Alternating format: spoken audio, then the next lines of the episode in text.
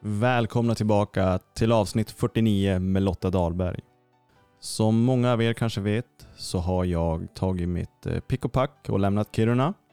Jag har flyttat till Luleå, så i framtiden så lär det bli massor av Luleåbor som, eh, som gästar podden och inte lika mycket Kirunabor som det har varit och som jag har riktat in mig på. Men i alla fall, Lotta som gästade i det här avsnittet var med om övergrepp av en närstående släkting som barn och det pågick i några år. Hennes mamma dog när hon var 15. Lotta blev diagnostiserad med PTSD och har även haft ett självskadebeteende i tonåren. Hennes räddning var när hon självmant la in sig på psyket. Ni hör att detta är en historia som verkligen är tung. Men det här är hennes bakgrund och hennes liv, så här får ni henne. Varsågoda. Shining brighter than the sun, I won't surrender. Watch me flying higher. I'm alive, I'm alive.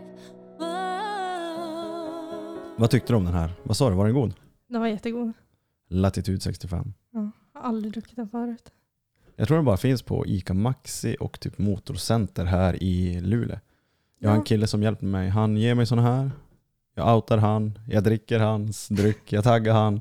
Så att, eh, Ja, men det är ju superbra. svinschysst. Och Mm. nu har du också fått smaka den. Jajamän. Det är bra. Han hälsar en kompis att de var goda. han är från Skellefteå faktiskt. De, Ja. gör, de görs i Jörn. Jaha. Så att, eh, nära. Ja, nästan lokalproducerat. Nästan.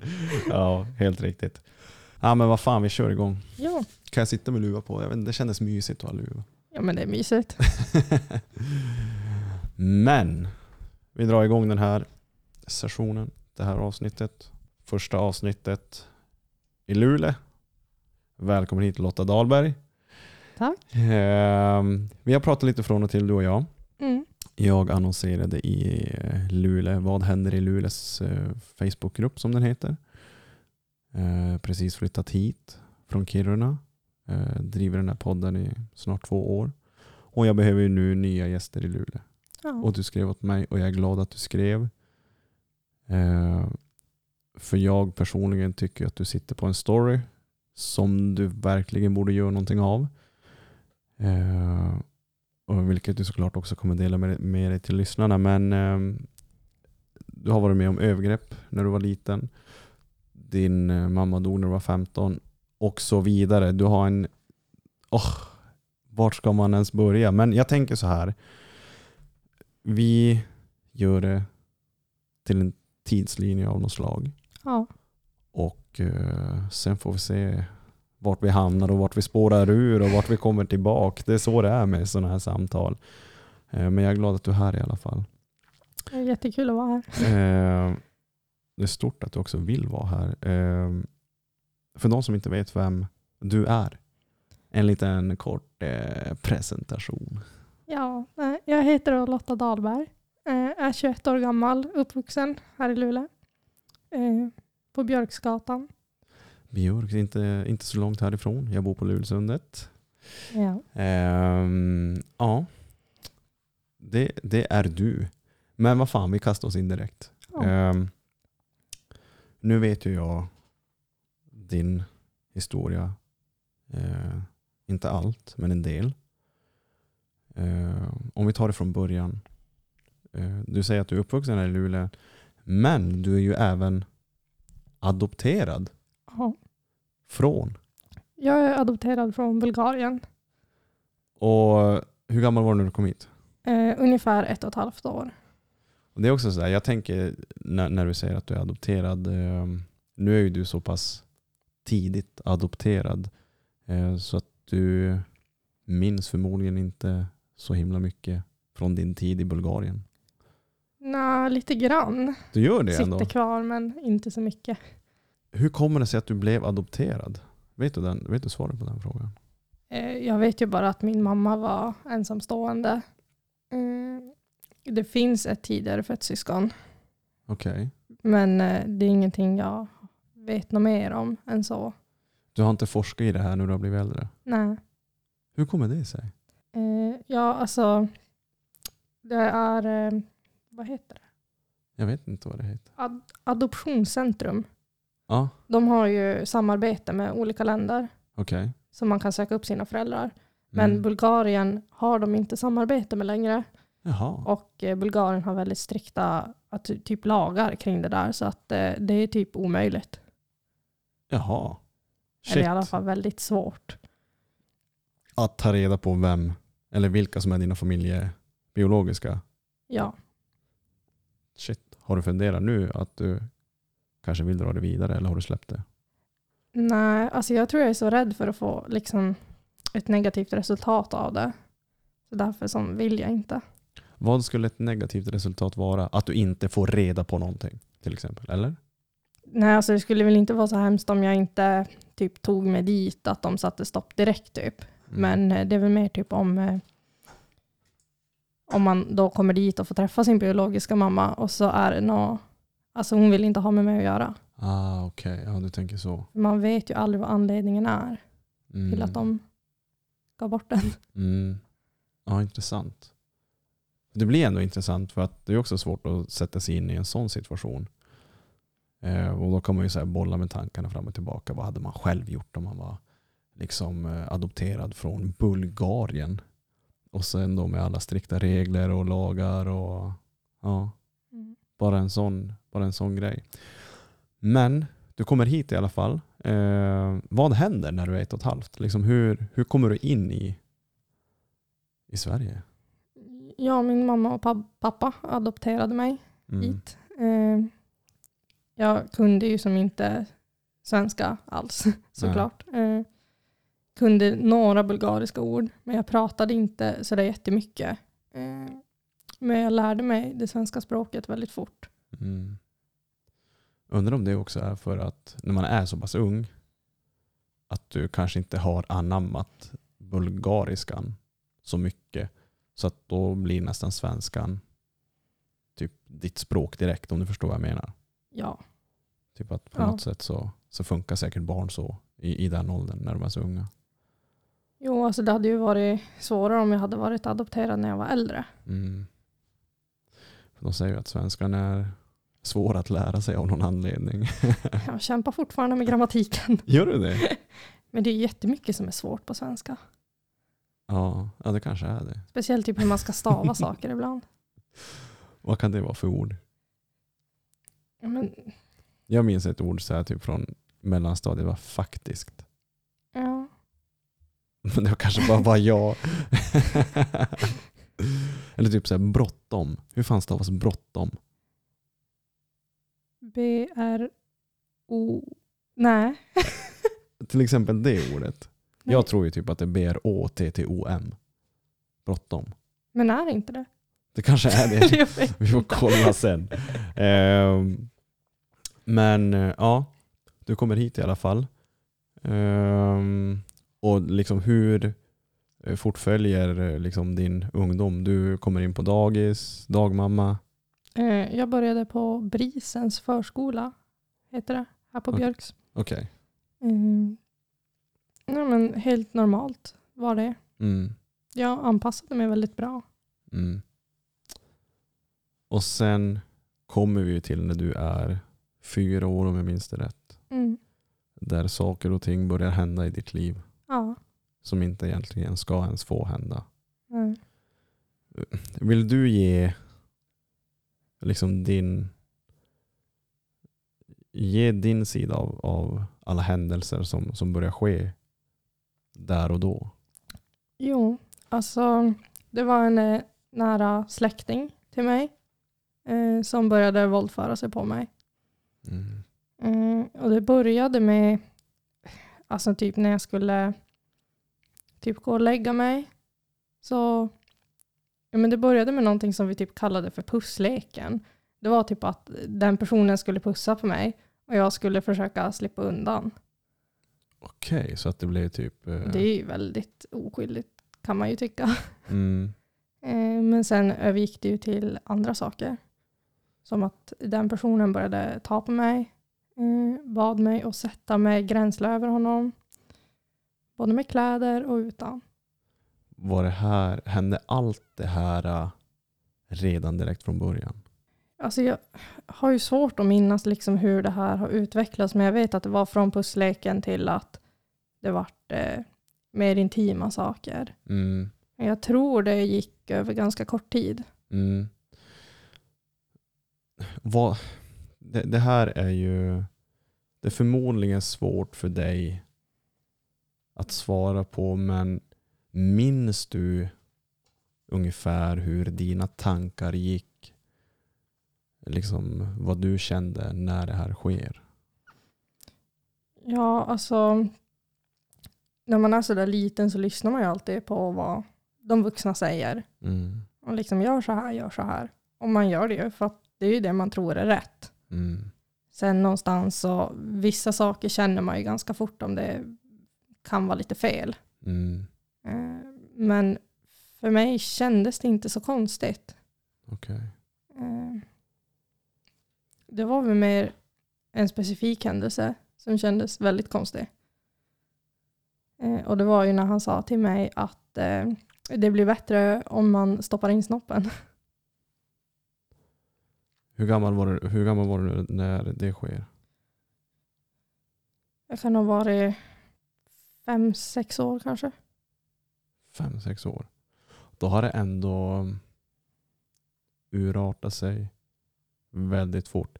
Hur ofta, o- om du typ slår ut det på, på 12 månader på ett år, hur ofta skedde de här övergreppen? Alltså, det är svårt att minnas, Mm. som jag sa tidigare. Mm. Men eh, ja, alltså jag minns ju typ fem, sju stycken tillfällen väldigt tydligt. Mm. Eh, men sen vet jag ju att det var ju betydligt fler. Mm. Som, som du säger också till exempel med den här pussleken och kanske just när du ska gå och lägga dig. Att en sån, om man då säger en oskyldig grej, Ja, sker kanske väldigt ofta. jo, det, det var ju väldigt ofta. Mm. Det var ju flera gånger i veckan. Mm. Hur reagerar du när du får höra att det blir bättre om man ska stoppa in den? Jag tänkte ju att eh, det här vill jag inte. Mm.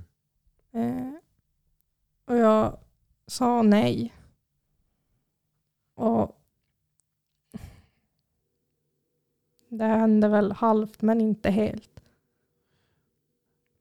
Var du så pass medveten om vad som pågick även när du var liksom sex år gammal? Att du li- förstod att men det här är fel, nu säger jag nej.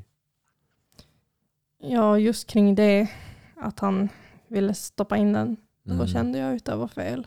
Mm. Att det, sånt här gör man inte. Mm. Vad får du för reaktion av den här personen då? Eh, han, han vart väldigt ställd. Mm. Mm. Sen eh, tror jag att det avslutades ganska fort efter det där. Så efter, är det då när du är sex år gammal? Är det då allting också slutar? Ja. Hur, hur är, hur fortlöper eran relation? Din relation till den här nära släktingen efter det här? Precis som vanligt. Som om ingenting har hänt. Ja. Hur tänker du kring det som har, har hänt? Gick du runt och typ sa till eh, klasskompisarna att det här har skett? Eller hur, hur gör du? Nej, alltså jag sa inte till någon kompis så jag berättade det för min mamma. Mm. Eh, Men det var lite mer så här sopa under mattan. Nej, det här har inte hänt. Så hon tog den här mannens parti. Ja, det är ju vad jag tror, men det är svårt att säga. Mm. Och sen då efter du är, när du är sex år gammal och de här övergreppen slutar. Ehm, Eh, hur, Hur fortsätter ditt liv? Går skolan bra? Mår du bra? Ja, alltså li livet fortsatte som vanligt. Eh, Mm. Gick i skolan, hade det bra. Chillade med mina kompisar. Mm. Var det så att du typ... eh, Det har inte påverkat dig liksom när du var så pass ung? Typ med mardrömmar? Nej, I- Ingenting att du liksom kanske går och bär på någonting som känns tungt? nej alltså jag- jag förträngde ju det där väldigt fort. Mm. Eh, För det var ju just det tillfället när han sa att han ville stoppa in den Mm. som eh, jag kände att det var fel. Men eh, allt det andra var som lite blurrigt typ. Mm. Det var som att jag bara, ja men det kanske är normalt. Mm. Men jag vet inte så därför så säger jag ingenting om det. Och sådär. Ja, och, och nu när jag sitter här och pratar med dig så eh, jag vill ju på något sätt typ försöka förstå speciellt varför när du typ säger åt din mamma vad som har skett men att det inte till exempel blir någon rättslig sak av det hela. Ehm, har du någon gång har det här någon gång i ditt senare liv då när du har blivit äldre blivit en rättslig sak. Eh, Det vart polisförhör. Det vart en polisanmälan. Okej. Som du Mm. gjorde då eller? Jo, jag gjorde den. Hur gammal var du då? Då var jag 18. Okej. Hur urartar sig det? Vänta, hur menar du nu? Alltså hur, vad händer när du har gjort polisanmälan? Du sitter i förhör. Eh, Jag, jag fick åka in på förhör. Mm. De kallade mig till det. Ja. Eh, ja, jag var på det förhöret, förklarade vad som hade hänt. Eh, sen eh, får den här mannen också åka in på förhör. Mm. Eh, efter det så la de ner det. Okej. Och anledningen var? Alltså det fanns inga tydliga bevis. Mm. Det är väldigt svårt att liksom få någonting av det egentligen när det har gått så pass lång tid. Mm.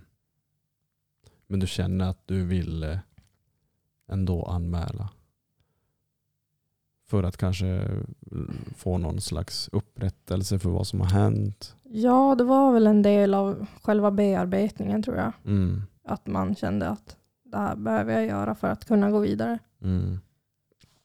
Jag vet ju nu att det, det händer grejer med dig och i ditt liv. Men sen blir du tonåring Lotta. Ja. Och eh, det är inte slut på lidelse än. Nej. för dig. Vill du, vill du berätta mer? Mm. Ja, när, I januari 2013 så fick min mamma en eh, elakartad hjärntumör. Hur gammal är du då? Jag är 13 år då. Mm.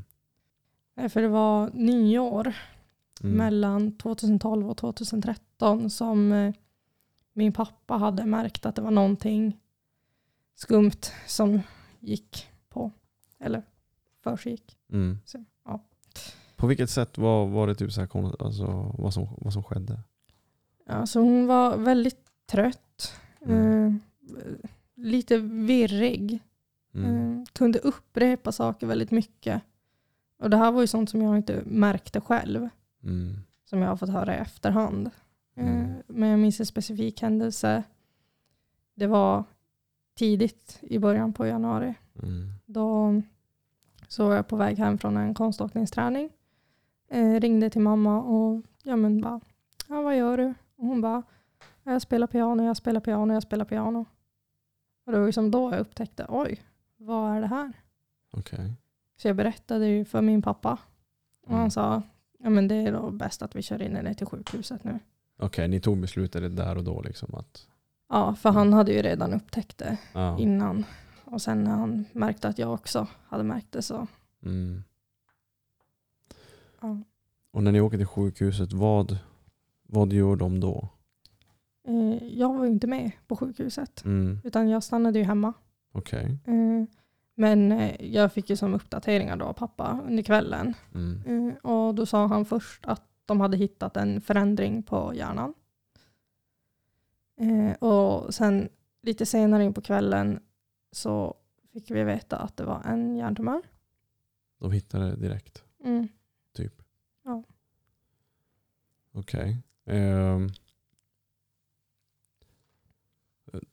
O- om vi ser från, från din sida då, hur, hur tar du det här beskedet när du får det? Jag var jätteledsen.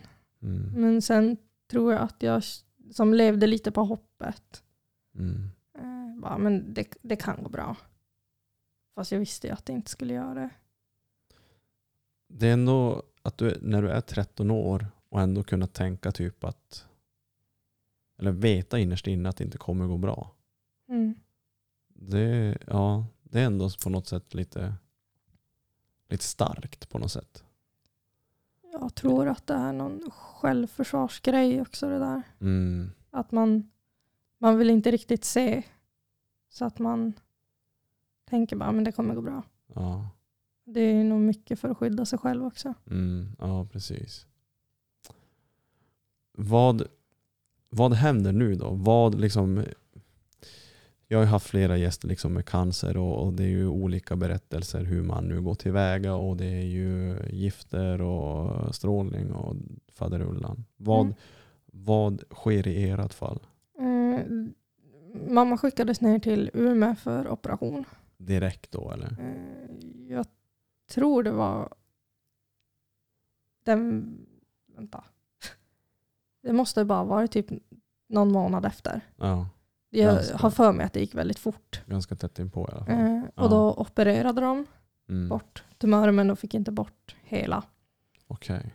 Eh, och då vart det strålbehandling. Mm. Eh, den funkade ändå hyfsat bra men det var som att den inte riktigt skulle funka på lång sikt. Okej. Så då vart det ju cellgifter. Mm. Eh, första behandlingen ja, tog sådär. Och När, du, An- när du säger tog sådär, vad betyder det? ja, men det fun- funkade. Hon mådde liksom ändå helt okej av det. Ja. Sen eh, andra cellgiftbehandlingen så eh, då vart hon, eh, hon var inte kontaktbar. Eh, Immunförsvaret var ju i botten. Mm. Eh, Hon höll på att stryka med så att det vart ju ambulans in till sjukhuset. Vart är hon? Ligger hon fortfarande på sjukhuset? Eller de här cellgifterna, tar man sånt hemma? Eller vad? Ja. Man gör det, man, man kan göra sånt hemma liksom. Ja. Är det typ bara tabletter? Eller hur? de här cellgifterna? Jag vet inte. Jag tror det, får jag googla? Ja, googla. Sen, sen vet man inte heller om det är... För att pappa sa ju att hon åkte in till sjukhuset. Så jag Ja. antar att det var hemma. Mm. Jag tänker typ att Jag Så. tror det är tabletter. det kanske är det. Fan, där har inte jag så jävla bra koll. Cellgifter. Jag tänker typ att man gör man inte det på sjukhus? Att de typ skjuter in i kroppen? Man, Fast- man kan ta det i tabletter.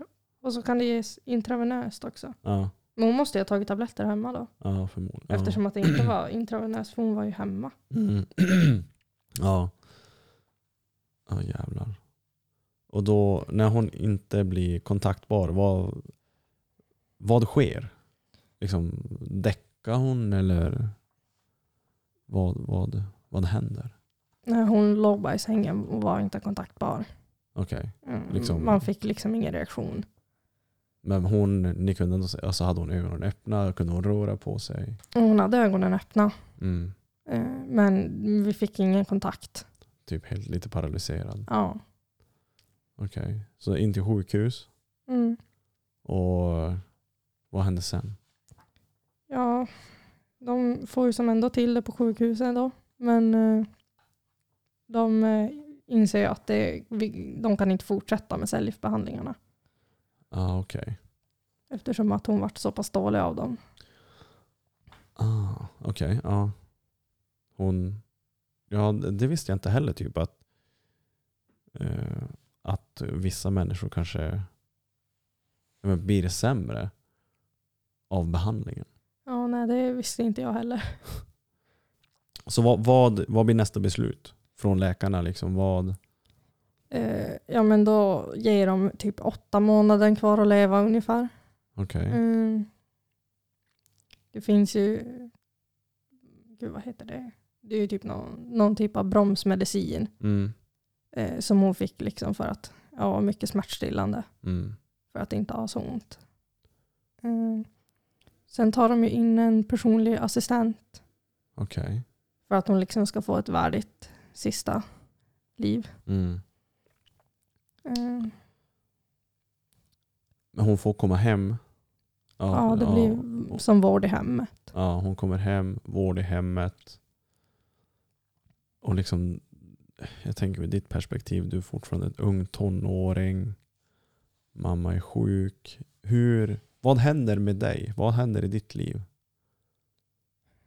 Jag vill ju inte vara hemma. Mm. Ursäkta. Nej, inte göra då. Ja, men vad händer med ditt liv? Du vill inte vara hemma. Eh, Jag är som bara med kompisar. Håller mig, håller mig hemifrån. Vad tror du det beror på? Jag tyckte att mycket var obehagligt. Mm. Alltså man såg ju en förändring på en människa som har varit med hela ens liv. Mm. Mm. Och Det är ju jätteläskigt. Mm. Och man är ju som så, man kan ju inte göra någonting. Nej. Just i det, i, i det sammanhanget, alltså just bara den här, äh, man måste känna sig så handfallen. att Liksom, det är helt utom din kontroll och du kan verkligen inte göra någonting Mm. för att cancern ska försvinna. Nej. Det måste vara helt jävla fruktansvärt. Och sen när man är så pass ung.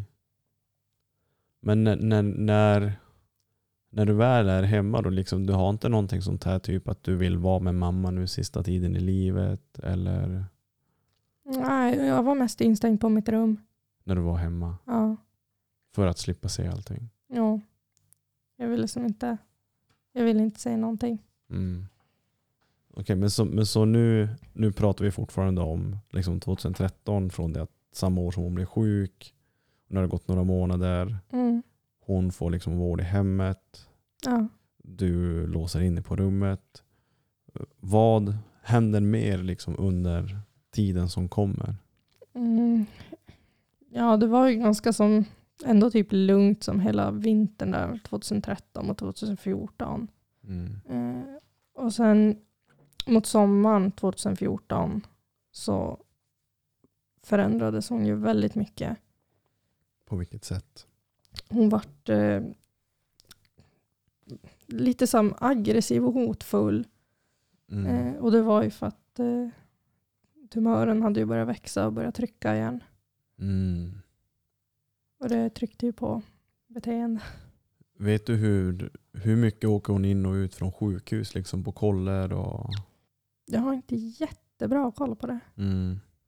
Eh, Jag har för mig att den, alltså vintern mellan 13 och 14 var väldigt lugn. Mm.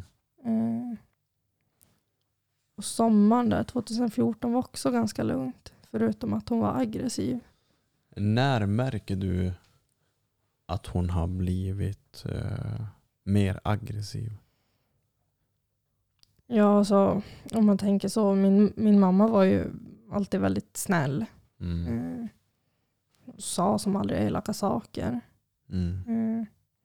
Men eh, det började med att hon bara... Man såg typ i blicken så såg man att det var inte den där snälla, goa mamman. Mm. Utan det var lite mer aggressivt och hotfullt i ögonen. Mm. Eh, och sen så sa hon till mig bara en dag att Nej men gud vad smal du är. Du har inga höfter. Det är ju som en planka det här. Okej. Mm. Vilket jag själv tyckte inte att jag var så överdrivet smal. Mm. Mm. Det var mycket så här, bara, ah, men du har för mycket smink på dig. Och det är liksom sånt hon aldrig hade sagt förut. Mm. Hon eh, kunde stå liksom bakom dörren och lura lite. Mm. Och som försöka skrämma. Det var ju en sida jag aldrig hade sett förut. Och hur, hur reagerar du på det här? Jag var ju väldigt ledsen. Mm. Mm. Som, både ledsen och arg. Mm. För att nu fick man ju liksom sanningen rakt upp i ansiktet. Att det händer ju någonting. Kunde du tänka att det är hennes sjukdom som pratar lite grann? Att det inte är den riktiga mamma? Alltså man visste ju om det, Mm. men eh, det var ju inte jättelätt att tänka klart Mm. i en sån situation. Mm. Eh, Jag kommer ihåg när hon hade klankat ner på mig. Så sa jag till henne att ja, men, du har ju cancer och du ska ju ändå dö så varför kan du inte dö nu bara? Mm. Eh, Och det, det är ju hemskt att något sånt slinker ur. Mm. Eh, Men jag var väldigt trött känslomässigt och Jo, men psykiskt. då kan man ju bara tänka sig liksom hur, hur jävla påfrestande det måste ha varit för dig. Mm. Det låter nästan som att eh, det var någonting varje dag. Mm. Ja, och jag kommer ihåg så tydligt att när jag hade sagt det där så reagerade hon inte ens. Då, då låter det verkligen som att alltså, hon har ju inte varit där. Liksom. Alltså, hon, hon är så pass sjuk att liksom, hon typ inte ens nästan vet vad som försiggår. Jag bara liksom gissar hej vilt här. Men, Jo, min eh, mormor dog ju också i den vevan. Okej. Och vi hade ju som alltid tänkt alltså, under tiden hon var frisk liksom, att den, när den dagen kommer så kommer det vara jäkligt tungt. mm. Men eh, jag kommer bara ihåg att vi sa det och hon bara jaha. Och så var det som inget mer med det. Det låter ju verkligen som att det, det har gått så pass långt liksom, Mm. i sjukdomen.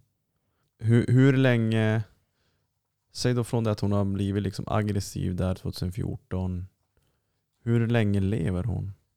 Mm. Hon levde ju till 29 april 2015. Mm. Men eh, hösten 2014 så fick hon ju åka in på korttidsboende Okej. eh, sista tiden då, för då kunde hon inte heller vara hemma. För då var hon så pass dålig. Mm.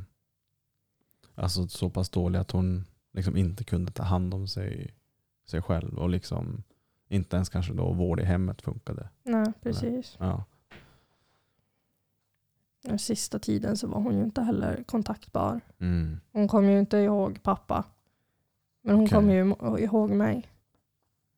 Och det var, var det då de här ständiga eh, aggressionerna mot dig? Eller kunde det där någon gång typ gå i, gå i vågor? Alltså grejen var att hon var ju som bara aggressiv över sommaren. Jaha, slår det över sen? Ja, Liksom- Sen vart hon ju så pass dålig. Att då händer det typ ingenting? Nej. Nej, okej. Vad, vad gör du när, när mamma måste åka in på, på det här boendet? Liksom hur, då är hon borta ur hemmet? Eh, åker du och hälsar på henne? Eller eh, Ja, jag var där typ nästan varje dag. ja, du var det. Ja. det är ändå på något sätt, jag skulle vilja säga fint. För trots då att du har fått de här äh, påhoppen och liksom trots att du har sagt att ja, men du har cancer, du, du, kan ju, änd- du ska ju ändå dö, kan du inte bara dö nu? Trots att sånt där sägs så är du ändå där nästan varje dag. Mm. Och jag får ju känslan av att du innerst inne såklart inte vill att hon ska dö. Och, och det gör att du sitter där på det där boendet. Ja. Och vad, hur länge kunde du sitta där? Vad, vad gör du när du är där hos henne? ja. Man försökte prata med henne det som gick. Mm. Men det var ju inte mycket alls. Vill du ta något, eh, ett exempel? Typ hur, hur okontaktbar var hon? Ja, man kunde säga hej, Mm. hur är det? Ja, dåligt. Ja, hon sa dåligt bara. Mm. Och sen var det bara det var Mm. tomt. Hon sov ju mestadels av tiden. kunde man, något som jag också, jag, alltså jag, jag tänker ju mig så hårt in när jag sitter och pratar med, med gäster och speciellt om sådana här väldigt tuffa situationer som jag själv inte har varit med om. Så jag försöker ju tänka mig in i situationen. Alltså fan vilket elände att se sin mamma alltså lida. Kunde, såg man på henne att hon, fakt, att, att hon led? Att hon hade ont och... Man såg att hon hade ont, men man såg inte psykiskt på henne. Mm. För att, eh, eftersom att tumören tryckte där den tryckte. Det var ju på personligheten. Mm. Så, eh, och det är vi ju faktiskt ganska glada över. Att det var just där den tryckte. Hur kommer det sig? För det- alltså, hon var aldrig så psykiskt påfrestad Okej. över själva sjukdomen. Liksom. För många som man vet som har cancer går ju liksom med dödsångest hela tiden Ah, okej. och mår jättedåligt psykiskt. Mm. Men det verkade som att det aldrig riktigt tog där för henne. Ah, Det, är- det, är så, det är så sjuk sjukdom. Mm. Att den kan göra så liksom. Med kroppen, med hjärnan. Och allting. Ehm, men o- om vi liksom tar det vidare där och du är där på boendet och sen, vad, vad hände sen? Mm. Somnar hon in liksom i lugn och Ja, ro? alltså jag var ju ute och körde moped för jag hade ju precis skaffat moppekort. Jaha. Mm. Mm. Det var 28 Ja. på dagen. Mm. Och då tänkte jag, men jag svänger förbi efter skolan. Planen var ju inte ens att åka dit från första början. Mm. Men jag bara, ah, men jag känner att jag vill åka dit. Jag vill åka dit själv utan pappa. Eh, så jag åkte dit, hälsade på, åkte hem. Och dagen efter så dog hon på kvällen. Så jag är oerhört glad att jag åkte dit Mm. när jag inte skulle liksom. när, när du väl sitter där, jag, jag vill också liksom få försöka förstå dig så bra som möjligt. Mm. Hur, eh, när, när du väl sitter där, kunde du sitta där i timmar, liksom hålla henne i handen? Vad, vad, vad gör man när man ligger där eller sitter där med sin döende mamma? Ja, man bara, man bara sitter där. Mm. Jag höll i handen gjorde man varje gång. Försöker man typ, eh, men det kanske bara taget ur filmer, men liksom man sitter och trots att de, man, kan- man ser att de sover Mm. Så sitter man där och pratar med dem om typ så här minnen. Och, Nej, det gjorde jag aldrig. nej, du satt tyst då? Hur Jag satt länge där hade- helt tyst. Men jag satt ofta inte så länge. Nej, okej. Mm. Det var ju liksom precis det jag pallade att sitta i princip. Mm. Så det kunde ju vara från 10 minuter till en halvtimme. Mm. Men oftast inte längre än så. Mm. Vad, hur, när, när du får beskedet så- att hon har gått bort, Ja. liksom vad, hur, vad, vad händer i kroppen med dig? Vad, vad, vad händer med dig? Jag fick panik. Mm. eh, Men var helt känslokall utåt. Mm. Eh, Ja, men de ringde ju från korttidsboende då och sa Mm. att hon hade avlidit i sömnen. Eh, Pappa berättade för mig. Eh, Vi åkte dit och kollade på henne. Sa som ett hej då. Sen åkte vi hem. Eh, Konstigt nog lyckades jag sova när jag kom hem. Mm. Men jag tror det var för att jag var så känslomässigt trött. Mm. Eh, gick till skolan dagen efter som att ingenting hade hänt. Det, det där är också intressant på något sätt hur vi beter oss under sådana här äh, traumatiska händelser. Vad tror du försiggick i dig när du beter dig på det här sättet? När du är så pass liksom, känslomässigt kall? Jag tror det var ett sätt för att liksom slippa ta itu med de jobbiga känslorna. Att jag bara, men jag trycker bort det, det finns inte så behöver jag inte tänka på det. Om jag bara går till skolan och är som vanligt så då har det ju inte hänt. För jag vet ju också att eh, jag vet ju att du har en period i ditt liv där du faktiskt börjar må väldigt dåligt. Mm. Där du börjar skada dig själv på olika sätt. Ja, de beteendena började redan när mamma var sjuk. Mm. Eh, Och då började jag skära mig. Vad- är det det som är startskottet på det hela? Att du börjar skära dig? Ja. i armar och ben. Tror du att det har någonting att göra med... För, du, för nu har du ju berättat att liksom du hanterar mammas sjukdom. Du stänger av lite grann. Mm. Men ändå så kommer de här självdestruktiva beteendena. Ja, jag stängde ju av väldigt mycket utåt sett. Mm, ut, ja. Men eh, jag hade ju extremt mycket ångest. mm. Mm. I och med... Eller som, som grund då ligger i Ja. sjukdomen. Mm. Det var ju sån ångest som jag aldrig liksom släppte ut riktigt. Jag pratade inte om det. Nej. Och för att då bli av med smärtan på insidan så för man den ju utåt Mm. genom att skära sig. Var det bara det? Bara det ska jag inte säga. Men var det det du höll dig till? Eller urartade sig? Alltså det började ju väldigt liksom smått. Alltså det var ju inga djupa Nej. skärsår utan det var ju ja men bara lite risp. Mm. Va? Man ville känna hur det kändes och det kändes ju otroligt bra Mm. för att det funkade ju. Att det bedövar lite. Mm. Ja, det bedövar ju smärtan inifrån. är det någon som märker?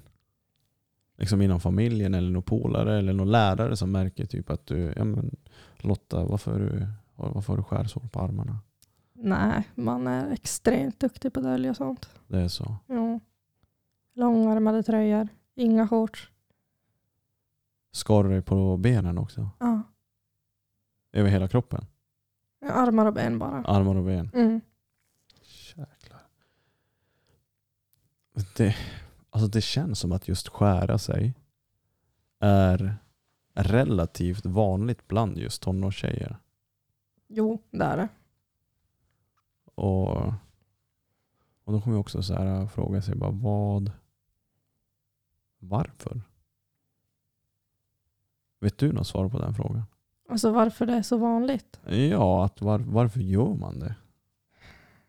I ditt fall så kommer han ju ändå på något sätt, alltså, man, jag kan inte säga att jag förstår din smärta som du har inombords, men man kan ändå kanske försöka förstå att fan, du, du gick igenom en hel del.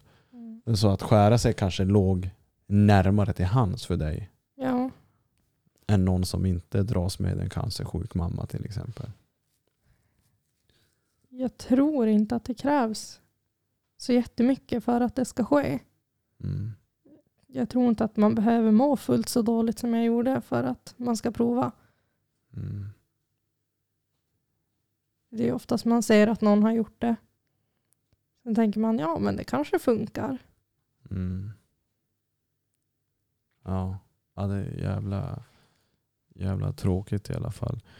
Eh, men, men efter, när, när mamma har, när mamma har eh, gått bort, du liksom går till skolan, full närvaro. Kommer du någon gång till något stadie där du bara fan nu, nu orkar jag inget mer? Ja, Du gör det? det var ja, men, våren 2016 så det var ju ett år efter mamma gick bort. Mm. Då sa kroppen ifrån att nu orkar du inte mer. Och vad hände då? Ja, Men jag börjar må ännu sämre. Mm. Skär mig ännu mer. Mm. Mm. Går inte till skolan. Okej. Och är jag i skolan så går jag inte på lektionerna. Typ sitter i rasthallen och bara chillar med polarna. Ja. Jag började ju få väldigt mycket panikångestattacker i den svängen. Mm. Och då kunde det börja med att jag fick det inne på NO-lektionen. Och då gick jag ju inte tillbaka i den salen och mer. Mm. Gick du någon gång till någon typ skolkurator eller försökte du bara typ hantera allting på egen hand? Nej, alltså jag gick ganska mycket till skolkuratorn. Du gjorde det under den här tiden? Mm. Mm. Hjälpte det? Ja, alltså, mest var det väl en ursäkt för att slippa lektionerna. Okej, det var på det. Att man gick dit. Men sen var det ju också oerhört skönt att få prata av sig med någon som lyssnar. Mm. För att, att prata är ju oftast ett väldigt bra första kliv för att börja den här typ healingprocessen på något sätt. Att börja ta itu med alla känslor som man har inombords. Jo. Sen var det ju, vissa gånger kunde jag bara sitta där och sa ingenting. Mm. Bara... Men kändes det skönt bara att få vara i typ kuratorns närvaro? Ja, Att bara sitta där med en helt oberoende människa och bara, bara vara. ja det var oerhört skönt. Mm. Hur, hur går skolan då? Liksom, för, för sen, ja, om, om du inte är i skolan så är betygen blir lidande, du har frånvaro. Liksom, vad, hä- vad, händer, vad händer sen? Ja, alltså jag hade ju typ inga betyg när jag gick ut nian. Nej. Eh, under som sista året så fick jag ju även en del SOS-anmälningar på mig. Okej. Mm. Det var både alltså för hög frånvaro i skolan. Mm. Eh, de måste ju rapportera sånt. Mm. Eh, och sen var det även att eh, vissa vuxna trodde att jag tog droger. Vilket inte stämde. Vad hade de för grunder att tro det? Alltså, m- man umgicks ju med lite folk som man kanske inte skulle umgås med. Okej. Men jag drogs som aldrig ner i träsket. Vad, om du vill utveckla det, aldrig dras ner, ner i träsket. Testar du droger där och då? Ja, nu har man provat någonting. Ja. Men det var inte så att du gick på droger? Nej, Började du dricka, började du dricka alkohol tidigt? ja. Är det i samband med att du hänger med det här äh, gänget? Eller? ja. När jag var 15 så började det ju. Mm. Mm. Första fyllan så vart jag jagad av polisen. Så det var ingen höjdare. Jagad av polisen? Ja. Varför det? Jag hade ramlat in i någon grannes buskar hos min kompis. Okej. Var ganska packad. Mm. Sen sprang jag därifrån. Eh, ringde en vuxen som jag kände. Mm. Eh, och eh, hon bor ju liksom, ja vad blir det, typ 100 mil härifrån. Mm. Så att eh, hon ringde ju till polisen och bara, ni måste hitta henne. Ah, Okej. Så att det var som inte nå, vad ska man säga, en, en dum eh, mening bakom det hela. Utan det var- var för ditt bästa. Ja, Liksom. precis. Ja. eh, ja, Okej, ja, det är en bra start. Men jag tror också att det ligger någon, någon undermedvetet där när man ringer till en vuxen. Ja, typ hjälp mig. Ja. Jag sprang ju från mjölkudden hem till Björks. Mitt i natten. Det är fan några kilometer. Ja. Körde du klackaskor också då? eller? Nej, jag hade typ gympaskor men jag hade råkat ha fel jacka. Okej. Ja. Blir, liksom det här med typ alkoholen, blir det till ett skadligt beteende? Alltså det skulle jag nog ändå inte säga. Alltså, det är kanske lite mer än vad en del ungdomar dricker. Mm. Eh, Men ja, nog satte man sig i dumma situationer ibland. Det gjorde man. Mm. Men ja, det kunde ju bli någon vardag typ med kompisarna. Okej. Var ni, det här gänget, typ skolkar ni alla, alla tillsammans eller? Ja, Ni, kö- ni hade eran ja. tillhörighet till varandra? Okej. Mm. Fick du till slut betyg i nian? Jag hade nog mer F än vad jag hade godkänt i ämnen. Okej. Eh, Så jag fick ju söka in till det enda gymnasiet som typ gick att söka in när man hade så låga betyg. Och det är Eh, praktiska. praktiska. Vad gör man på praktiska? Är det typ fordons eller? Ja, man kan gå fordons, frisör, naturbruk, måleri, bygg. Ja. Men jag tror bygg är ganska höga ändå va? Ja, inte på praktiska tror jag. Okej. Så praktiska är typ ett eget gymnasium? Ja, med typ bygg som man kan gå bygg där också. Mm. Och sen finns det vanliga gymnasiet var man kan bygg, gå bygg eller? Ja, du kan ju gå och bygga inne i stan också. Ah, all right. Vet inte vilket av alla hus det tillhör, men Kungsvågen. kanske. Jag har ingen aning. Jag gick el och det var på Kungsvågen. Ja. Eh, och då gick vi bredvid byggarna. Okej. Eh, men eh, okej. Började du gå till skolan då? När du väl går i gymnasiet? Jag gick gymnasiet. Så du gjorde det? Ja. Det var lite segstartat. Mm. Hade inte så mycket motivation till skolan. Vad Men- fick, det, vad fick det att ändra dig? Från att liksom skolka till att nu helt plötsligt... Eh, Det vart som en liten ny start. mm, Vi flyttade från Björks ja, eh, och alla dåliga minnen där. mm, Mm. Flyttade till Skurholmen istället. Mm. Ja, ny skola. mm, Eh, helt nya klasskompisar. Okej. Och där träffade jag även min bästa kompis. Ja.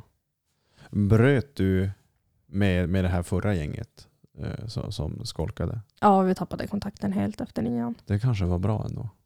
Jo, så här i efterhand. Förmodligen Så var det ju bra. jävligt bra. ändå. Eh, för jag tror att liksom, oavsett eh, vad du har för typ beteende eller dåligt beteende, dåliga vanor eller vad man ska kalla det i livet, så är det viktigt att, att kolla på vilka hänger man med. Mm. Och hur ska man då ta sig ur eh, ett sånt beteende? Jo, jag tror att steg ett är att, jag, jag har själv varit där, men alltså man måste bryta med allt som har med det dåliga att göra och då är det ju tyvärr att säga hej då till de polarna. Eller. Så att, ja, men det var ju tur för dig, Ja. måste man säga. ja, det kom väldigt lägligt. Ehm, ja, och hur fortlöper det här då? Liksom, har du, hur mår du under den här tiden? Liksom med typ panikångesten och... Ja, i ettan gymnasiet så mådde jag väl ändå typ hyfsat bra skulle jag väl säga. Mm, Eh, om jag var i skolan, hade jätteroligt med mina klasskompisar. mm. Eh, det var ett jättehärligt litet gäng på fyra pers. Fyra. Fan. Okej, ja. Mm. Sen där i tvåan på gymnasiet så började jag må lite sämre. Mm, Mm. Panikångestattackerna kom tillbaka. mm, Eh, jag fortsatte skära mig. okej. Har du haft uppehåll från ditt eh, skärande under liksom, den tiden du mår bra? Då kanske du inte skär dig och sen går du tillbaka till det, eller hur? Alltså det hände ju men inte lika ofta. Okej, ja. Ja. Och, och fortsättning på det då liksom. Du, du eh, mår dåligt i tvåan, Ja. ångesten. Hur gammal är man i tvåan? När man är 17? Visst är man 17? Jo. ja, jag fyllde 18 i tvåan. Mm. Eh, sen den hösten vart jag ju deprimerad Mm. igen. När du har fyllt 18? Mm. Ja. Mm. Jag började äta sertralin tror jag det heter. Okej. Det är ett antidepressivt läke- läkemedel. Ja. eh, i kombination med mirtazapin. Eh, det är också ett antidepressivt läkemedel men eh, man kan även ha det som typ sömntabletter. Mm. Blir trött av det. Mm. Eh, och det funkade väldigt bra i kombination med det. Okej. Eh, så jag mådde ganska dåligt den hösten men det vart som bättre där efter nyår mot 2019. Mm. Eh, kände att jag kom tillbaka lite grann. Mm. Eh, sen åt, tog jag ju studenten 2019. Mm. Mådde ganska bra under den perioden. Fick du fulla betyg? Eller vad säger man? Ah. Godkänt i allt? Jag fick typ 2F. Okej. Resten hade jag typ sämsta betyg C.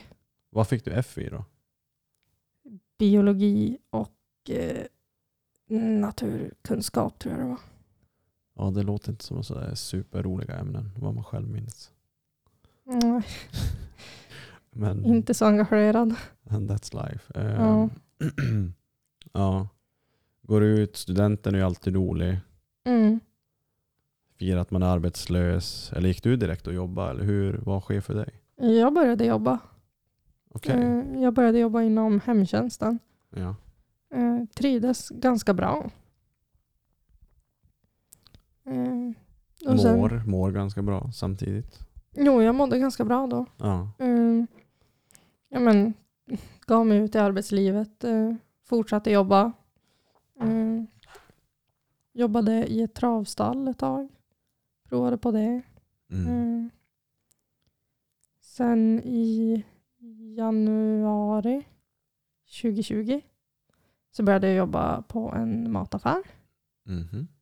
Det var inte lika kul, men eh, det funkar. Ja. Eh, Sen fick jag jobb på SSAB. Det var ett sommarjobb. Mm. Mm, Då jag körde travers. Just det. Det var ju superkul och det var ju så jag kom in och började gilla industrin. Ja, just det, just det. Mm. Ja, nu när vi har pratat tidigare. Ja. So call me a cynic, call me a bummer. I don't wanna be that way anymore. This life that I've been living, living without color, ain't a life worth living. at all. Jag vet ju också, eh, vi har ju pratat som sagt innan, att du, du satt på flyget ner till Skåne en gång när du Mm. var 18 ja. och eh, vad händer? Vad händer då? Du ska ner och träffa din kompis eller vem var det? Mm, det var min kompis Ja. i Skåne. Ja, Mm. vad hände där på flyget? Det slog mig typ rakt upp i ansiktet. För då insåg jag vad som hade hänt om övergreppen. Mm. Det kom som från klar himmel. Är det det som, alltså tankarna, känslorna, allting eh, där och då. Är det, är det det som händer i huvudet? Att de här att övergreppen kommer tillbaka på något sätt? Ja. Jag var väldigt ledsen. Mm. Jag tänkte bara shit. Mm. Typ vad händer? Ja. För då insåg jag ju som att det här var nog inte så himla bra. Mm.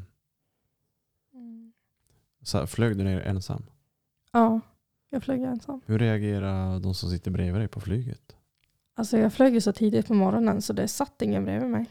Okej, Inte raden framför eller bakom heller. okej. Ja. Så jag hade tur. Och, och när, när du får den här, eh, det här blir ju också som ett breakdown. Vad, hur hanterar du det? Vad, vad blir nästa steg liksom, i känslor? Och, Ja, alltså den tiden jag var där i Skåne då, mm. jag tror jag var där en vecka ungefär, så försökte jag som bara förtränga det. Mm. Som du typ alltid har gjort med allt det andra. Ja, Ja. sen när jag kom hem så berättade jag för en kompis. För första gången i Ja. ditt liv, förutom då att du berättade till mamma när du var liten Mm. om övergreppen. Och nu först berättar Mm. du till en kompis i vuxen ålder. Mm. Och det var ju som då de bara, vet du om att det här är övergrepp? Det är olagligt. Mm. Jag bara, va? Ja. Det hade jag inte alls tänkt på. Men För då kan man tänka typ att vad var det som, var det som um, orsakar den här eh, attacken på planet?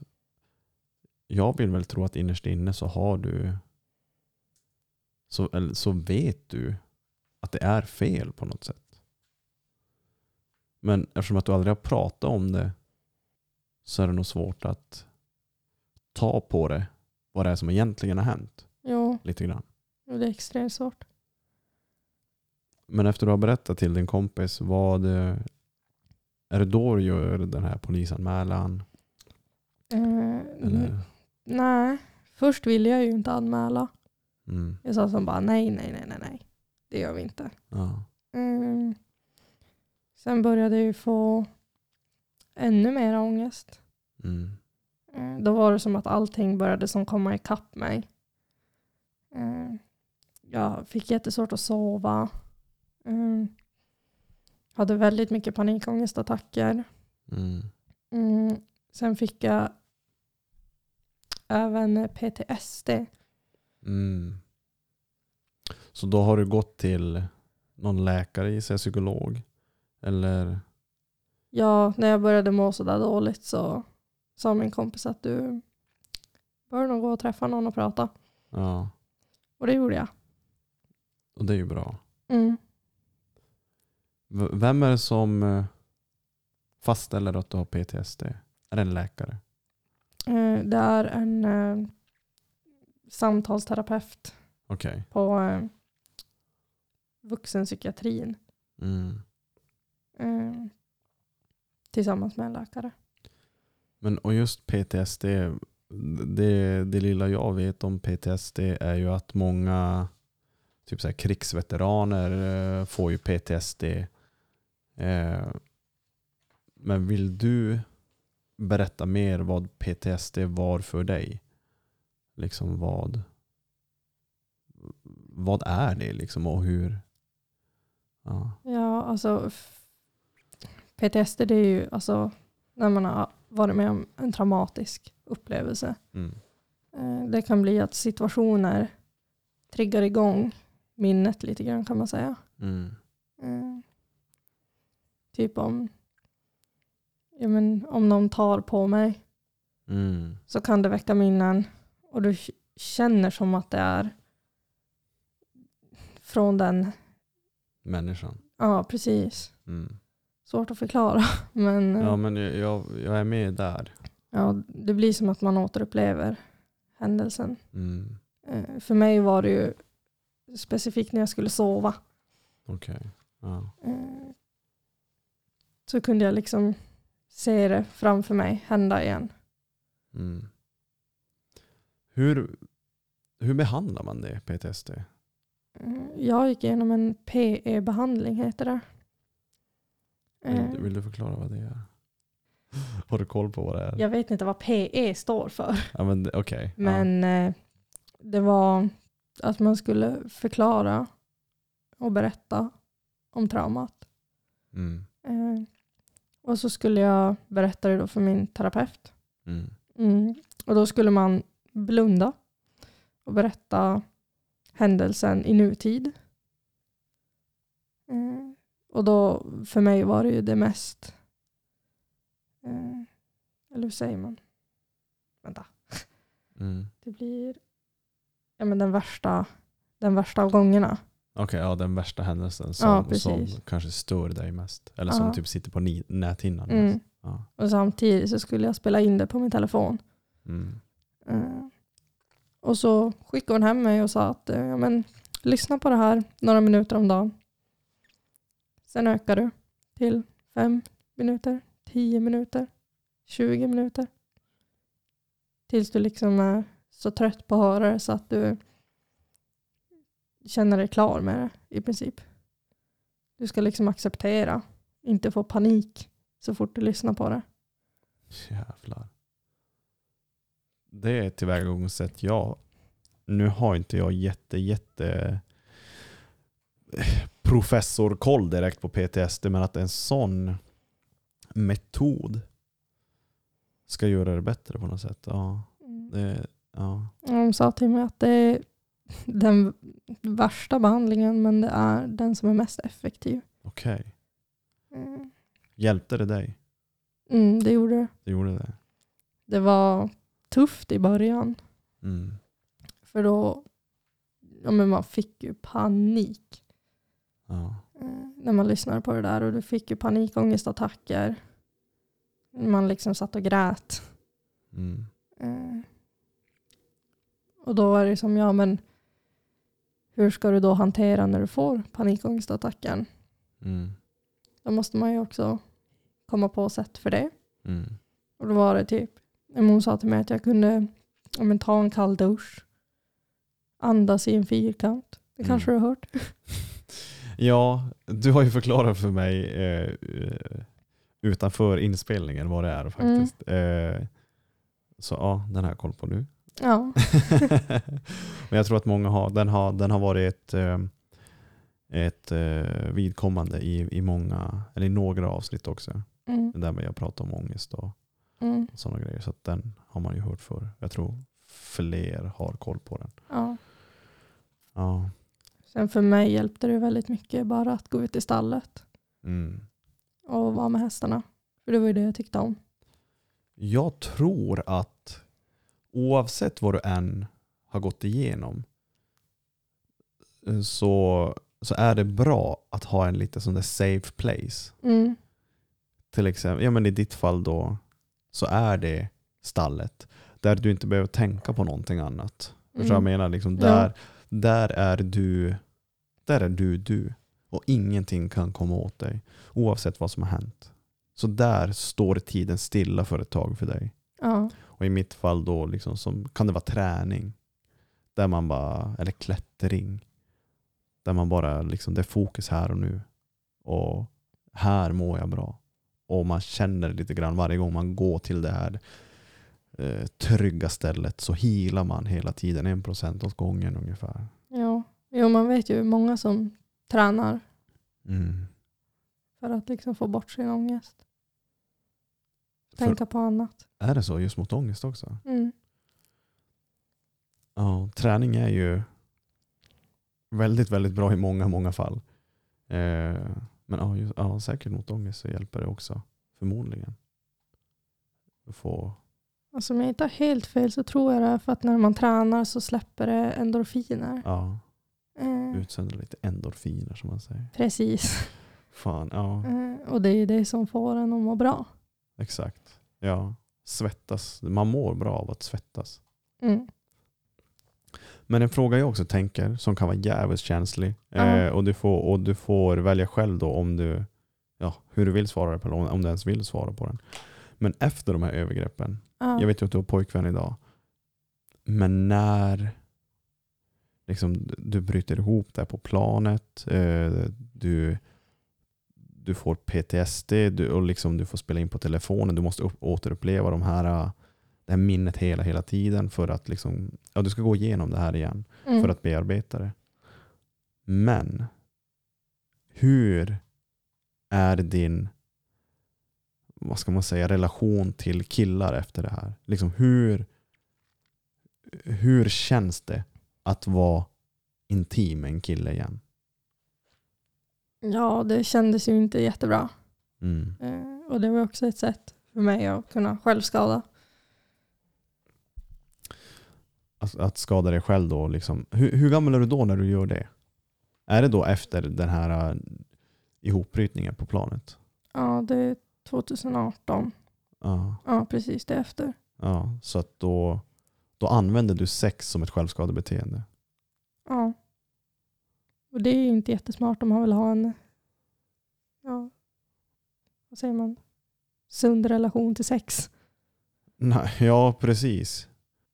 Men nu- och hur, hur kunde det se ut för dig? Var det liksom typ så här, nu skaffar jag Tinder och så går jag lös typ? Lite så. Ja. Var det typ första bästa eller? Alltså nu var man väl lite kräsen. Ja, Men eh, det var ju så, så det kunde se ut. Man matchar med någon på Tinder. och så ses man kvällen efter typ. Ja, eller samma kväll. så skrattar jag, oh, fy fan. Ja. Men kä- känner du dig på något sätt typ känslomässigt förstörd? Kunde du på något sätt typ släppa in en kille eh, typ när ni väl dejtar eller ska ha sex? Eller, eller det är liksom, du är endast där för sexets skull. Sen är det tack och godnatt, sen är det över. Ja. Liksom inga känslor, nada. Nej, det fanns inte på kartan. Mm. Jag hade ju till och med pojkvän där ett tag. Det Mm. var ju inte sunt för fem öre. Hade du pojkvän med, samtidigt som du hade Tinder? Alltså liksom, gick du och bytte? Nej, nej. Alltså, jag använde Och- inte Tinder när jag hade pojkvän. Ja, okej. ja. Mm. Men det var inte en sund relation. På vilket sätt? Eh, Ja, så vi sågs i princip bara och hade sex. Okej. Var det du som ställde kraven? Nej, det var faktiskt han. Att han ville bara ses och ha sex? Mm. Och man var så förstörd för när han bara, ja men ska vi inte bara bli tillsammans då? Och jag bara, ja, Och du kände ingenting för den här killen? nej, Hur länge var du med den här? Med han? två månader kanske. Okej, ja, det var Så så. det var ju inte länge. Nej. Förstod du själv att det här var dåligt för dig? Ja, gud ja, det gjorde jag. Men det blev ett liksom, skadebeteende så att du Mm, höll dig till det. mm, För att det, Om man säger typ att det känns bra för dig för stunden. Är det så man kan förklara det? Eller varför gör man det? Men det är ju också ett sätt för att få smärtan inifrån. Mm. Att sätta sig utanpå istället. Ja. Någonstans är man ju så känslomässigt förstörd Mm. att man egentligen inte bryr sig. Hur länge pågick det? Eh, liksom innan du kunde på något sätt ha en sund relation till sex eller till en kille igen? Ja, så det var ju typ ett halvår Mm. som det var att jag bara for till random dudes i princip. Ja. Eh, sen, eh, sen lugnade det ner sig ett tag. Eh, och sen var det bara någon gång här och där. Okej. Eh, Men vad har, fått, vad har fått det här att vända för dig? eh, jag träffade min pojkvän som jag har idag. Men jag tänker att vad, på något sätt så måste ju du på, alltså liksom vara öppen för att släppa in honom. Och kunna liksom få känslor. Eller var det bara så att han kände så pass himla rätt att det kom naturligt? Gud vad svårt att förklara. Försök. liksom vad som fick dig att hålla dig till han. Och varför det fortfarande håller. Mm. Jag var nog i ett stadie i livet där jag kände att eh, jag ger upp på det här med killar. Det, det kommer aldrig funka att ha en normal relation med Mm. någon. Mm. Eh, Så han dök ju upp när jag minst anade det. Mm. Och det kändes bara väldigt rätt. Hur länge sedan är det här? Det var i februari i år. Okej, ja. Relativt nytt, Mm, men snart ett år. mm. Hur, hur, har, det, hur har det funkat för dig liksom, känslomässigt? Blir det bättre och bättre? Eller har du kommit till ett stadie där du, du mår helt perfekt? Typ? Ja, helt perfekt kan man nog aldrig må, Nej. tror jag. Det är ju fortfarande såklart alltid lite upp och ner. Mm, Det kommer det alltid vara. mm, Men det blir inte liksom lika djupa dippar. Okej. Ja. Äter du medicin idag? Antidepp och Nej, ingenting? nej. Det är ju bra. Ja, det är jättebra. Det är, det är ju jävligt bra. Mm. För folk som har...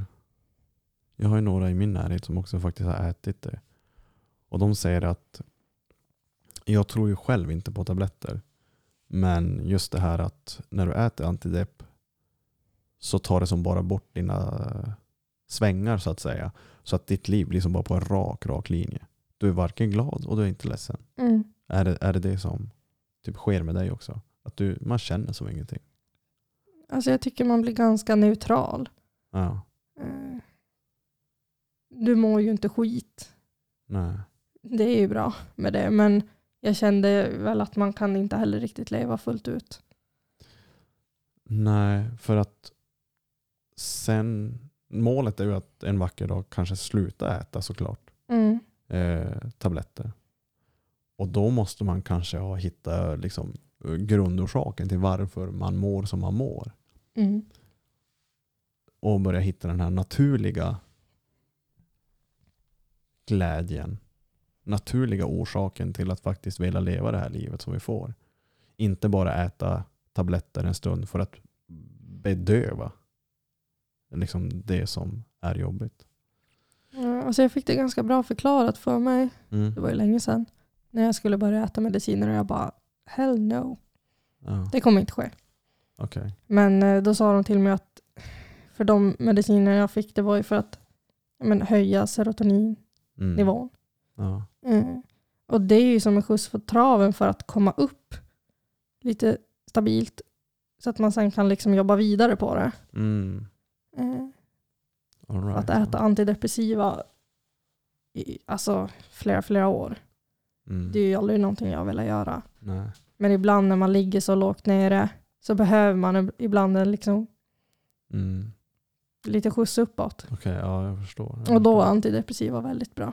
Mm. All Men jag right. tycker inte att det är någon långsiktig lösning. Nej. I alla fall inte för mig. Nej, precis. Och jag vet ju också sen innan, när vi har pratat lite grann Lotta, att i, i, du pratade lite tidigare också om att du eh, liksom har jobbat på SSAB och dina jobb och sådär. Jag vet ju att i den, det var väl ungefär i den vevan som du var på psyket också en sväng. Ja, det var ju ja, men hösten därefter hade jag jobbat på SSAB Ja. som det började dippa lite utför igen. Mm. Eh, och så mot nyår, mot eh, 2020 här då, Ja. så eh, jag mådde jättedåligt. Så att, eh, jag fick utskrivet antidepressiva igen Mm. eh, genom appen Kry. Mm. Eh, vilket vi idag inte förstår hur, hur jag lyckades med det. Okej. Men eh, jag fick utskrivet, började käka dem, Ja. eh, mådde ännu sämre. Av tabletterna. Ja. För det ska ju som dippa lite först och sen ska det Okej. gå uppåt. Okej. Ja. Men det gick ju aldrig uppåt för mig. Så du körde inte samma tabletter som hade varit typ ett vinnande koncept förut? Det var exakt det jag gjorde. Jaha, Det var samma medicin.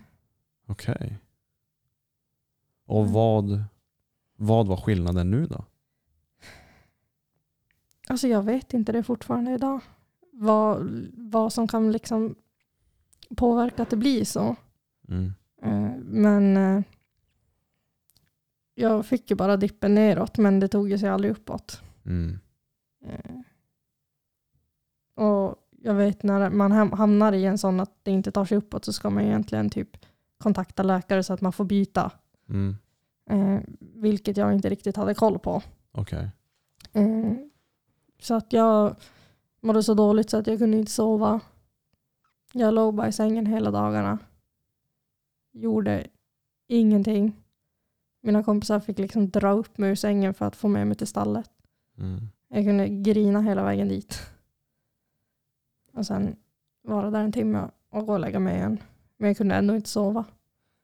Och då är min tanke så här typ. Dels käkar du tabletter som får dig att må sämre Ja, och det vänder aldrig. Och sen ska du inte sova på det. nej. Alltså fan, det som händer i hjärnan när man inte får sova det är ej att leka med. ja alltså man tror ju att ja, men lite sömnbrist är ingen fara. Mhm. Men det gör så sjukt mycket. Fy fan. Och man blir ju ganska desperat när man Mm. inte får sova. Mm. Så man knaprar ju i sig det som finns. Okej, ja. Alltså jag tog ju till och med allergitabletter.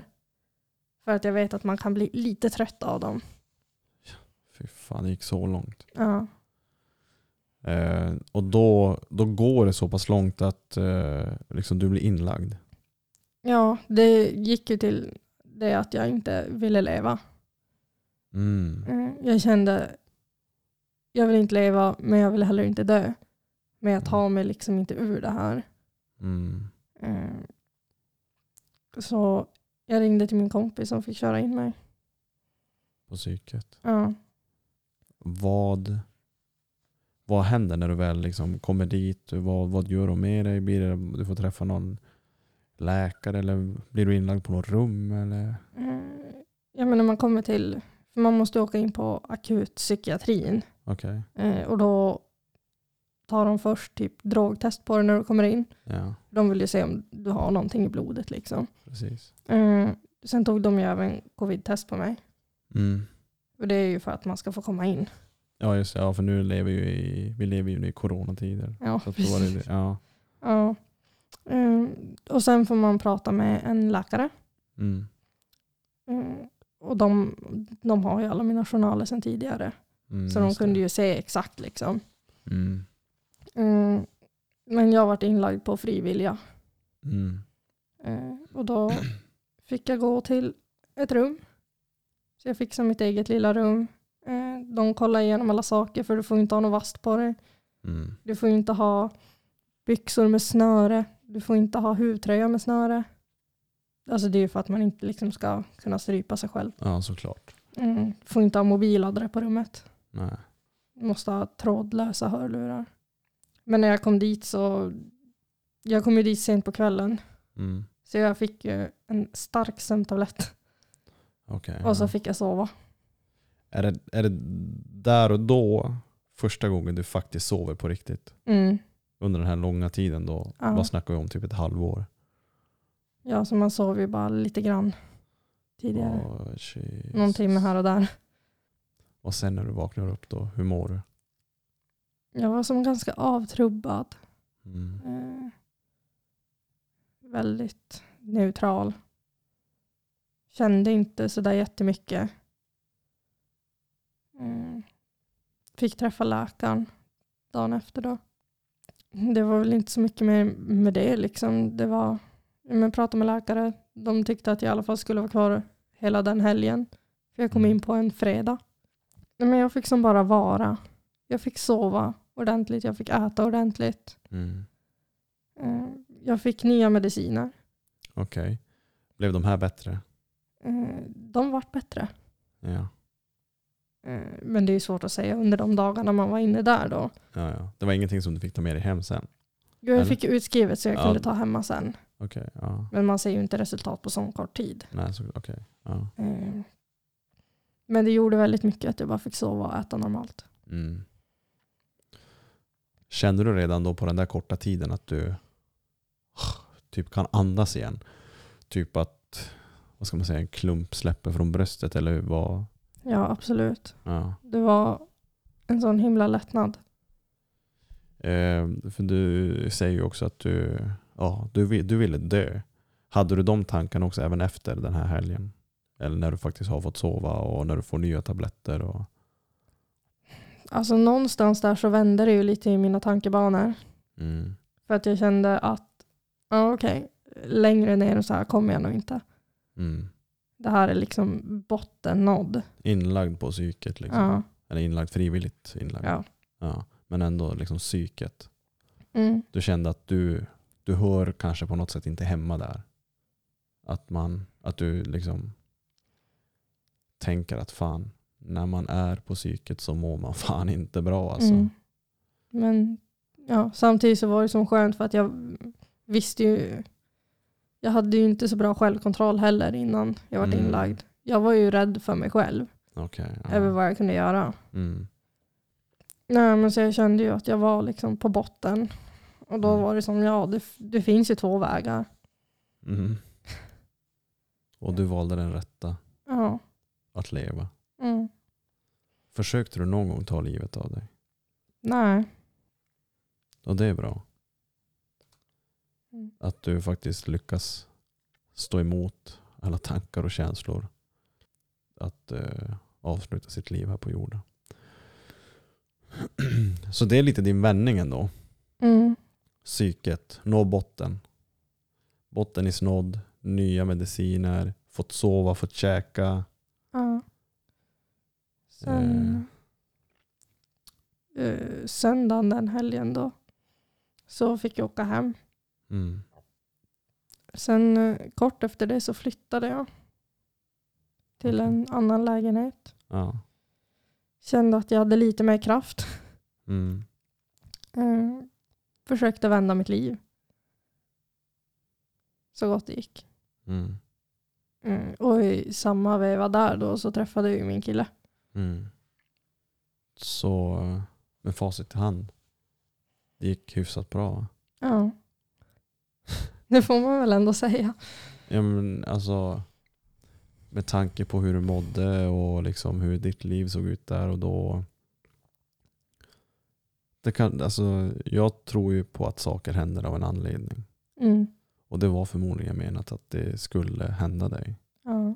För att du men, ska kunna nå ljuset igen.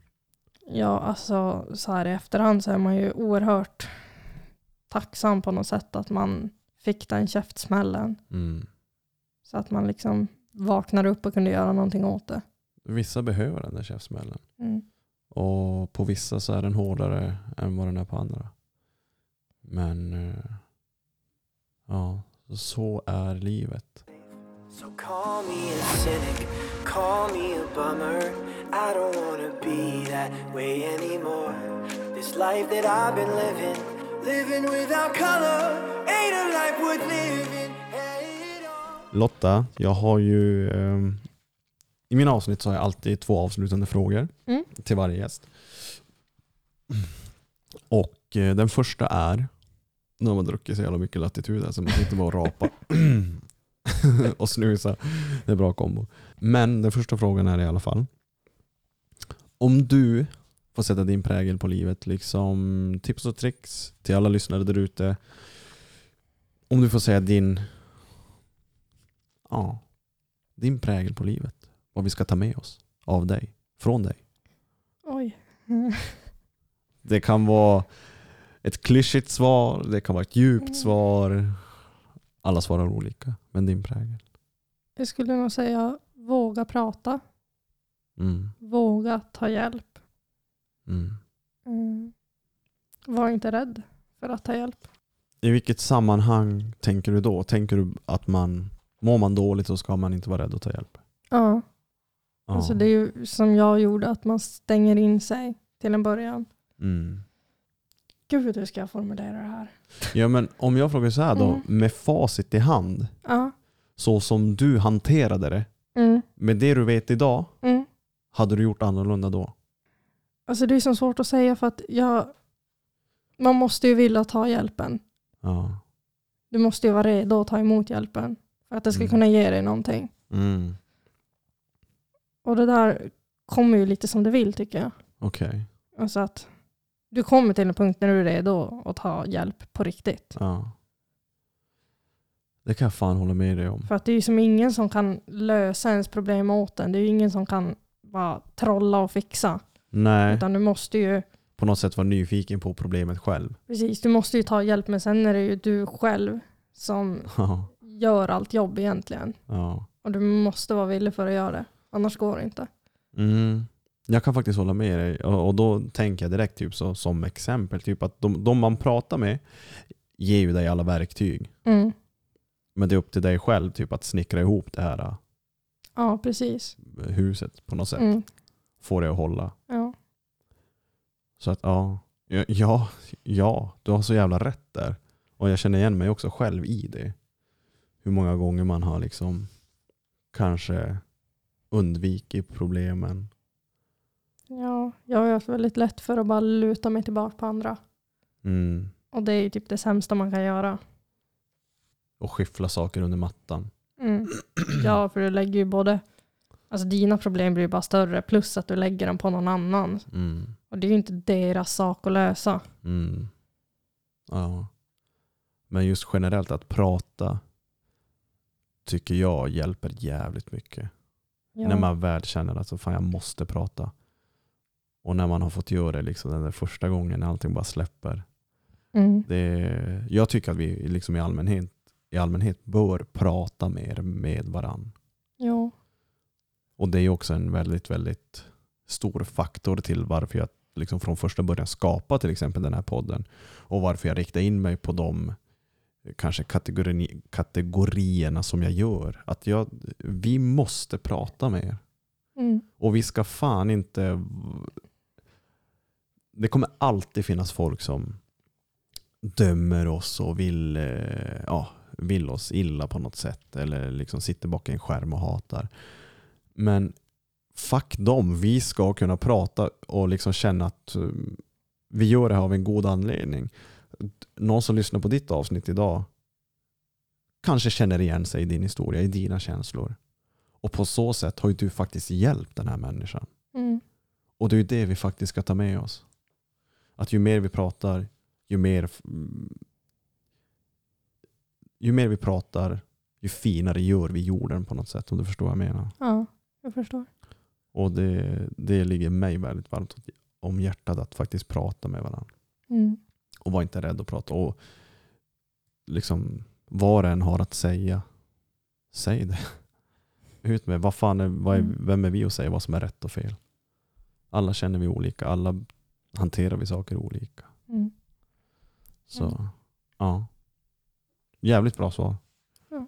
Ett svar man kan, man kan fördjupa sig i hur långt som helst. Men gud, ja. jag pratar om det hela tiden. Så fort det är någonting. ja, och det är bra. Alright, men då tar vi sista frågan. Ja. Vår sista fråga på den här, på den här sessionen. Och det är ju då, om fem år, drömmar och planer. Vart är du i livet? Och nu snackar vi drömmar och planer. Du får drömma hur mycket du vill. Du får säga Miami, du får säga Lamborghini och du får säga bo i skogen eller bo i, i en etta på Örnäs. Du får säga vad du vill. Vad är dina planer och drömmar? Ja, nej, men jag ser kanske att jag och min sambo har flyttat till ett hus. Mm. Köpt ett hus. Här i Luleå? Ja, lite utanför själva stan men inte för långt bort.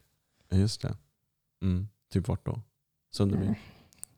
Det är ganska dyra hus i Sunderbyn tyvärr. Ja, fast vad är dyrt för dig? Ja, över två mil. Men får man ens något hus under två mille? Ja, om du flyttar till Råne. Råne. Ja, Råne är fan fint. Alltså. Jag har aldrig varit där tror jag. Jag har jättemycket kompisar i Råne. Är det inte i Råne man kör, det här kan ju vara lite fördomar, ni som är från Råne, ta det här med en nypa salt, men är det inte mycket så här epatrakter och Merca-raggare? Och... Är det det? Stämmer det? Mm, mm. Lotta nickar. Ja, typ Sunderbyn och Råne. Jag minns bara från skolan. Då var de här eh, boysen som körde de här epa-traktorerna och Mercerna. Det var, då var man utanför Luleå, var från Råne och Sunderbyn. Jo, men det är ganska mycket eh, på repeat också tror jag. Mm, just det. Mm. Piteå av alla ställen. Ja. Pite, Men- ja. Dit vill jag inte flytta. Inte Peter. Nej. Ja, nu ska inte jag spåra iväg. Förlåt, fortsätt svara på Ja. frågan. Ja, förlåt. Ja, nej, men ett hus. Hus, ja. Eh, kanske ett barn. Mm. Vi får se vad framtiden har att erbjuda. Ja, jo så är det. Mm. Ja, men, att jag jobbar med någonting som jag verkligen trivs med och brinner för. Vet du vad det hade kunnat vara? Alltså jag gillar ju industrin, men jag tror att det finns också mycket annat som jag inte riktigt har provat på än. Ja, du är 21 år gammal Lotta. Du har förmodligen säkert jättemycket kvar att säga. Ja, det får man ju som ta reda på under tiden tänker jag. Ja. Har du någon plan nu då? Liksom så här, hur du ska ta dig an typ året? Ja, Nu är det inte så länge kvar av året, men liksom nästa år och vad du vill jobba med? Vill du plugga eller? Alltså, plugga vill jag ju inte göra. Nej, Jag tycker att det är kul första veckan, okej.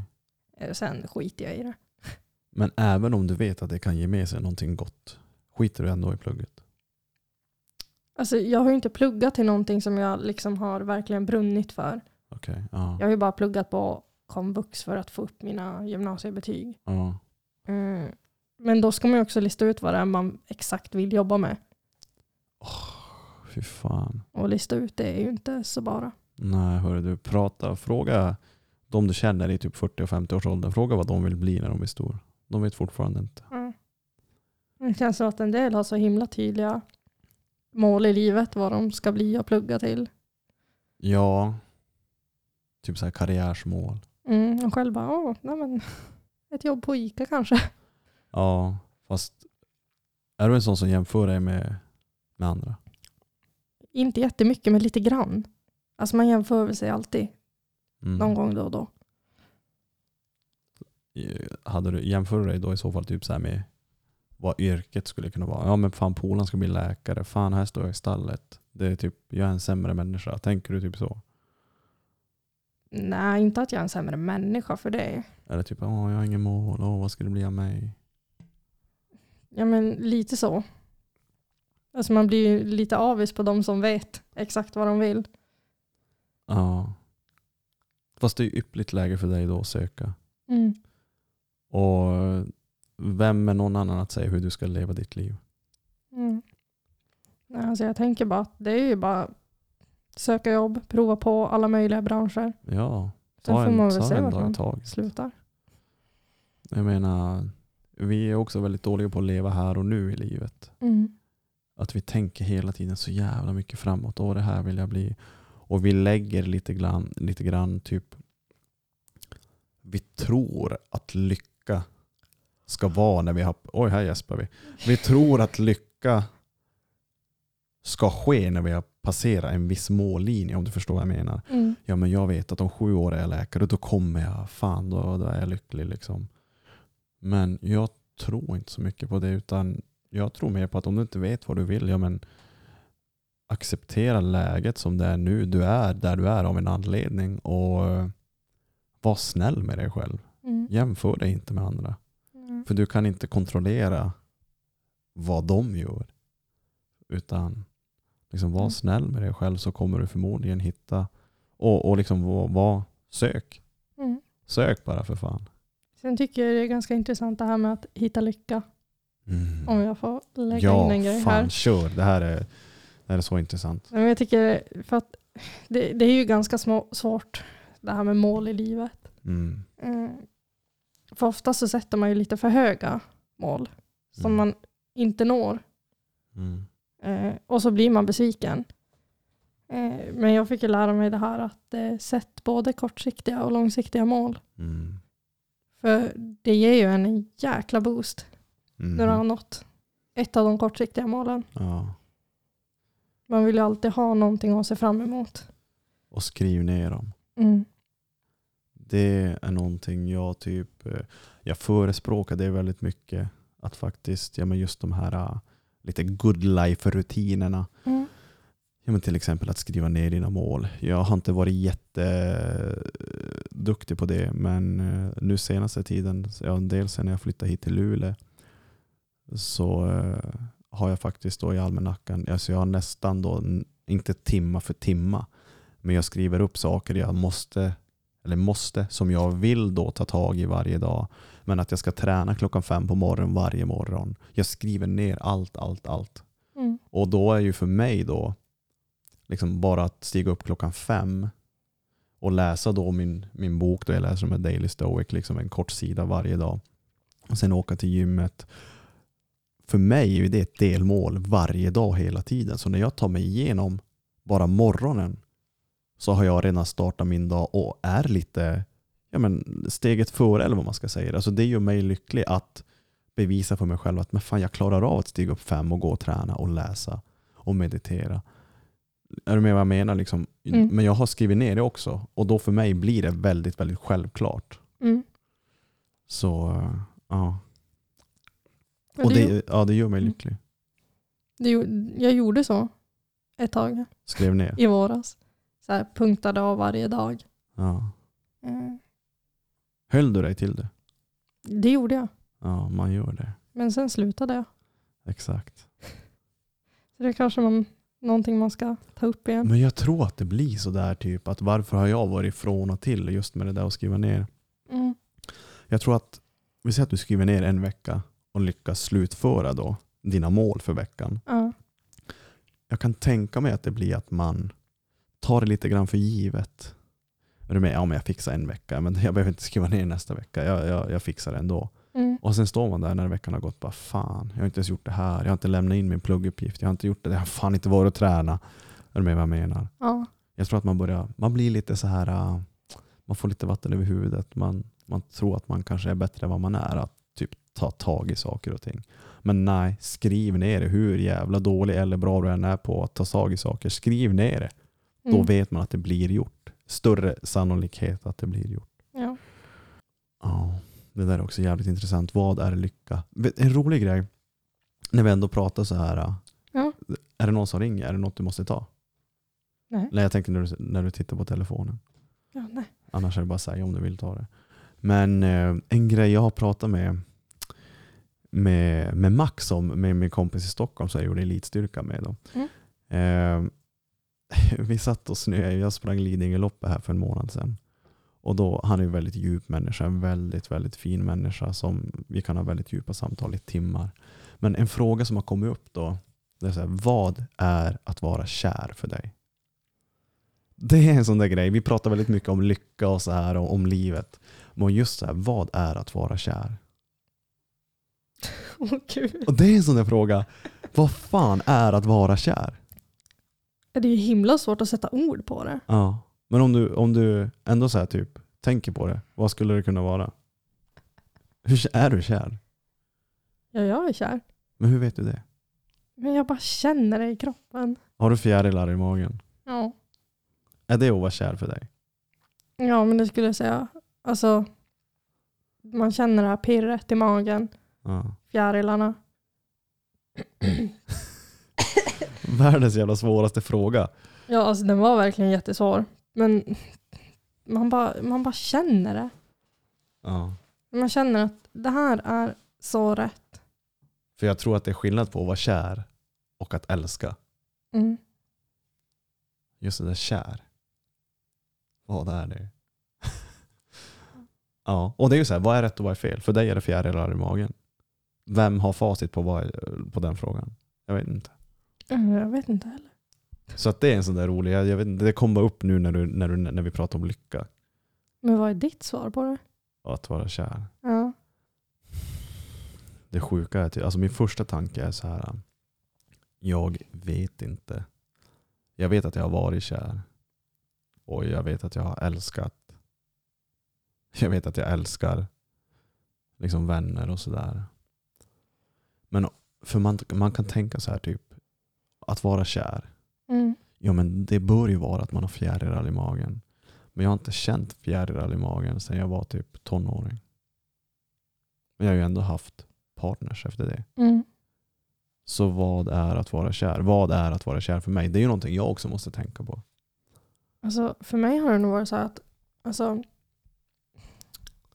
typ personer som man känner. Ja. Eh, alltså, du klarar ju oftast av att umgås med dem en stund. Mm. Sen kan det bli lite mycket ett tag. Att man känner att man behöver vara ensam. Ja. Sen beror det ju såklart från individ till individ. Mm. Men jag har ju aldrig kunnat vara så länge med en person. Och känna att jag fortfarande vill vara där. All right. Ja. Eh, alltså, jag har ju alltid varit ändå en person som är väldigt, vill vara med andra, Mm. tycker inte om att vara själv. Mm. Men det är också väldigt skönt att ha den där ensamtiden, men jag känner typ inte riktigt att jag är som lika stort behov av den längre. Ja. För att jag trivs så bra i det sällskapet.